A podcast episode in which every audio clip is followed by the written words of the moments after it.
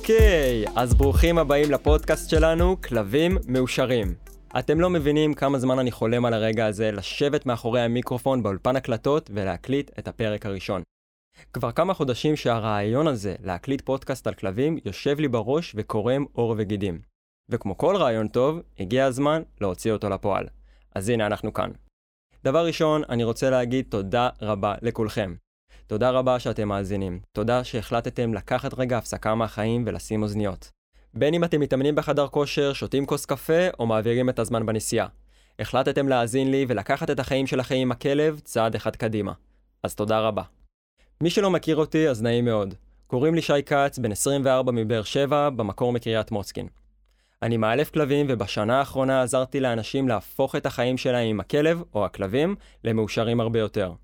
המטרה שלי בפודקאסט הזה ובכללי זה להפוך כמה שיותר כלבים ובעלי כלבים למאושרים הרבה יותר על ידי העלאת המודעות על עולם הכלבים בישראל ובעזרת מתן ידע תאורטי ופרקטי בתחום. היום בעיקר נדבר על הטעויות שכולנו עשינו ועושים. לא בכוונה, אלא מחוסר מודעות גדול. טעויות שאני בעצמי עשיתי בעבר. בנוסף, נתחיל ונדבר על המשמעות הגדולה של גידול, חינוך ואילוף כלבים. אני אספר לכם את זה על ידי הסיפור האישי שלי. איך נכנסתי לעולם הכלבים ואיך נהפכתי למאלף. אז בואו נתחיל. בגיל 13 קיבלתי את הכלב הראשון שלי, קופר. לפניו היו למשפחה שלי כלבים. הייתה לנו גינה גדולה ומאז שאני זוכר את עצמי, הסתובבו סביבי כלבים. אבל קופר היה הכלב הראשון שקיבלתי שהוא באמת היה באחריותי. אני זוכר שהתלהבתי מאוד לקבל את קופר. רציתי כלב בינוני פלוס, לא קטן ולא גדול. אני זוכר שנסענו לנהריה לאסוף אותו. הוא היה כזה קטן שיכלתי להחזיק אותו בשתי כפות הידיים שלי. הוא היה הכי מתוק וחמוד שראיתי. ההתלהבות לקבל כלב ראשון או כלב חדש הביתה זה משהו רגיל שכולנו מכירים. לצרף עוד חבר למשפחה. עוד יצור חי שחי איתנו באותו הבית ונהיה שותף שלנו. זו הרגשה שמי שלא חווה אותה לא יבין. בימים הראשונים לא עזבתי אותו. היינו ביחד בבית ובגינה. שיחקתי איתו, ליטפתי והענקתי מלא אהבה. בגלל שהוא היה עדיין קטן ולא עשה את כל החיסונים, אני זוכר שהייתי לוקח אותו לסיבובים בשכונה על הידיים, בשביל שלא יאכל דברים מהרצפה ולא יחלה במחלה מסוכנת של גורים. הימים עברו, וכמו כל דבר חדש ומלהיב, גם ההתלהבות מקופר התחילה לרדת. הייתי מבלה איתו פחות זמן ביום. היינו כמשפחה מקדישים לו פחות תשומת לב, ועם הזמן הוא התחיל לישון במרפסת במקום בבית. בהמשך עוד נדבר למה לא בריא ולא נכון לגדל כלב במרפסת ובגינה. כשאמרתי שהייתה לנו גינה גדולה, אז באמת התכוונתי לזה. מי שמכיר אותי יודע שלהורים שלי יש בית עם גינה מאוד גדולה, ולי היה נורא הגיוני שהגינה הזאת תספיק לקופר. היה לו מקום לרוץ, לשחק, לעשות צרכים, לרדוף אחרי ציפורים, ובזמנו הפנוי הוא היה גם מבריח את חתולי הרחוב שהעזו להיכנס לממלכה שלו. על רמות אנרגיה של כלבים נדבר בפעם אחרת, אבל היום אני יודע להגיד שקופר היה רמת אנרגיה בינונית מינוס. הוא היה לברדור מעורב עם גולדן רטריבר, כלב די רגוע, ולי ולמשפחה שלי, כמו שכבר אמרתי, היה מאוד הגיוני לגדל אותו בגינה. הוא כן היה נכנס הביתה במהלך היום, אבל בלילה ובפרק זמן ממושך של היום, הוא היה מבלה בגינה. מדי פעם הייתי יוצא איתו לטיול, וגם זה היה כי אמא שלי אמרה לי, ולא כי רציתי או כי ידעתי מה החשיבות של טיול עבור כלב. מכיוון שמגיל צעיר לא לימדתי את קופר ללכת יפה לידי בלי למשוך, אז בימים שכן הייתי יוצא איתו, הטיול היה נוראי. הוא היה מושך לכל מקום. אני סבלתי מכאבים חזקים ביד, והיה נראה שגם הוא לא נהנה, כי הוא היה נחנק במשך כל הטיול. משהו שאני משער שהרבה מכם חווים ומכירים. משום שהטיול היה זוועה, ולי היה מאוד הגיוני שגינה גדולה יכולה לספק לו את מה שהוא צריך, פשוט הפסקתי לצאת איתו לטיולים.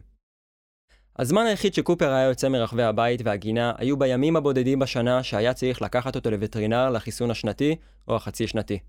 כמו שכבר אמרתי, הייתי בן 13 ולא ידעתי כלום מהחיים שלי. לא הייתי קורא ספרים, לא חקרתי ברחבי האינטרנט או שאלתי את השאלות שצריך לשאול בתור מישהו שאחראי על כלב בפעם הראשונה בחייו. לא היה לי את הידע התאורטי והפרקטי איך לגדל כלב.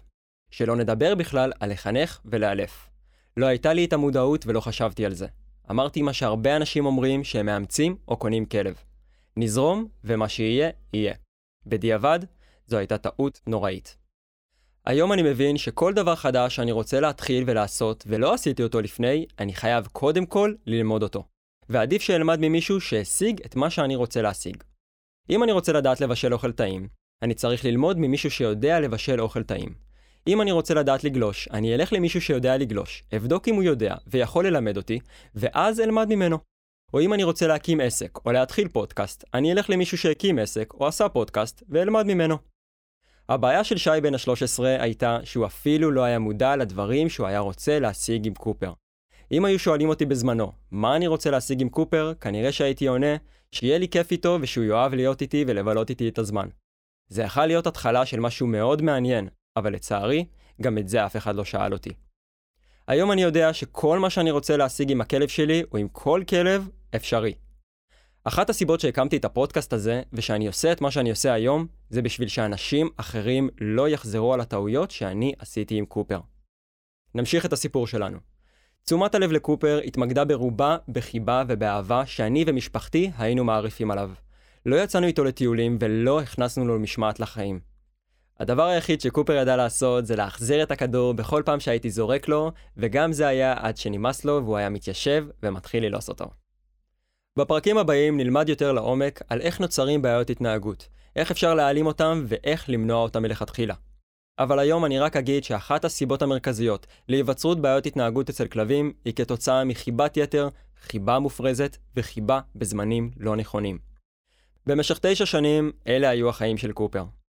ישן במרפסת, מסתובב לבדו בגינה, מתי שהוא רוצה, רודף אחרי חתולים, נכנס לבית לנוח, מקבל אוכל ללא הגבלה ואהבה ללא תנאים. נשמע כמו חלום שכל אחד היה רוצה לעצמו. אז לא. בשביל כלב זה חיים נוראיים. משעממים, עם תסכול גדול, חוסר איזון ואי סיפוק של הצרכים שלו. באזור הגיל הזה גם נוצרו אצלו בעיות התנהגות, שהיום אני מבין שהן היו מאוד חמורות. הוא היה רכושני כלפי האוכל שלו, ואפילו תקף פעמיים אנשים שהתקרבו לטריטוריה שלו במרפסת ולקערת האוכל שלו. ומה אנחנו עשינו? במקום לקרוא למאלף, שילמד אותנו איך לתקשר עם קופר בשפה שלו, ויעזור לנו לפתור את הבעיה, המשכנו כהרגלנו ואמרנו, נזרום, יהיה בסדר. נקפוץ קצת קדימה. בצבא הכרתי את סרינה, שהיא בת הזוג שלי היום. בגיל 17 היא כבר הספיקה לעבור קורס אילוף ונהפכה למאלפת. כלומר, כשהכרתי אותה, היה לה כבר ניסיון של שלוש שנים בתחום. היא ראתה המון בחיים ויודעת להתמודד עם כל מקרה שיגיע. שמחתי עליה ב-100% וסיפרתי לה על המקרה של קופר. היא ישר אמרה לי, זה ממש לא בעיה, ואפילו די קל לפתור את זה. להגיד את האמת שהייתי קצת בהלם, ולא האמנתי בהתחלה, אבל כהרגלי, זרמתי איתה. סרינה הגיעה אליי הביתה והתחלנו לעבוד עם קופר. יותר נכון, התחלנו לעבוד עליי. בפרקים הבאים נדבר יותר לעומק שאילוף מתחיל בבעלים ורק אז בכלב. כלומר, הבן אדם חייב לעבור אימון והדרכה, ורק אז ניתן לגשת לכלב. התחלנו לראות שיפור אצל קופר, אבל עדיין היה לי מאוד קשה לעבוד איתו. לא כי סרינה לא הייתה טובה, או שקופר היה מקרה בלתי הפיך. זה היה בגללי. היו לי אמונות מקבילות על קופר שבניתי לעצמי במוח במשך עשר שנים. שטויות על גבי שטויות שסיפרתי לעצמי. לסרינה לא היה פשוט להכיל אותי, ומכיוון שהיינו כבר זוג, לא רצינו שזה יפגע במערכת היחסים שלנו, אז היא הפנתה אותי לקורס אילוף שבו היא למדה. לקחתי את עצמי בידיים והחלטתי שאני הולך לעבור את הקורס. דבר ראשון בשביל קופר, ולאחר מכן בשבילי ובשביל הכלבים שיגדל בעתיד. וכך באמת קרה. השתמשתי בסל רחב של ערכים, מנהיגות, אומץ, אחריות ומקצוענות, והוכחתי לעצמי ולסביבה שלי שאפשר לשנות התנהגות אצל כלב בן 11. קופר כבר לא בחיים, אבל את הדברים שלמדתי ממנו אני לוקח איתי עד היום לכל מקום כאשר אני עובד עם אנשים וכלבים. מה שאני רוצה שתיקחו מהסיפור האישי שלי עם קופר, זה את ההבנה שכולם עושים טעויות. זה בסדר לטעות, ורק מזה אפשר ללמוד ולשנות את דרך הפעולה או את ההתנהגות לפעם הבאה. אצלי זה היה מחוסר מודעות עצום על עולם הכלבים. אבל ברגע שנחשפתי אליו, התגלה לי עולם מדהים ומלא תוכן שמיום ליום אני מתאהב בו מחדש ומגלה עוד ועוד דברים. אז זה הסיפור שלי. ככה בעצם נכנסתי לתחום הזה, והיום כלבים זה חלק בלתי נפרד מהחיים שלי. מי שעוקב אחרי ברשתות החברתיות, אינסטגרם, פייסבוק, טיק טוק, כן, דאגתי להיות בכל מקום, יודע כבר שאני וסרינה מגדלים שלושה כלבים מהממים בבית. מיקה, ג'וי וג'ויה. ומדי פעם אנחנו עושים אומנה לגור אחד או שניים עד שמוצאים להם בית חם ואוהב. אני חי ונושם את התחום הזה במשך שנה שלמה, ולא אפסיק עד שהמודעות לגידול, חינוך ואילוף כלבים יגיע לכל בית בישראל. זהו חברים, עד כאן להיום. תודה רבה על ההקשבה, וניפגש בפרק הבא.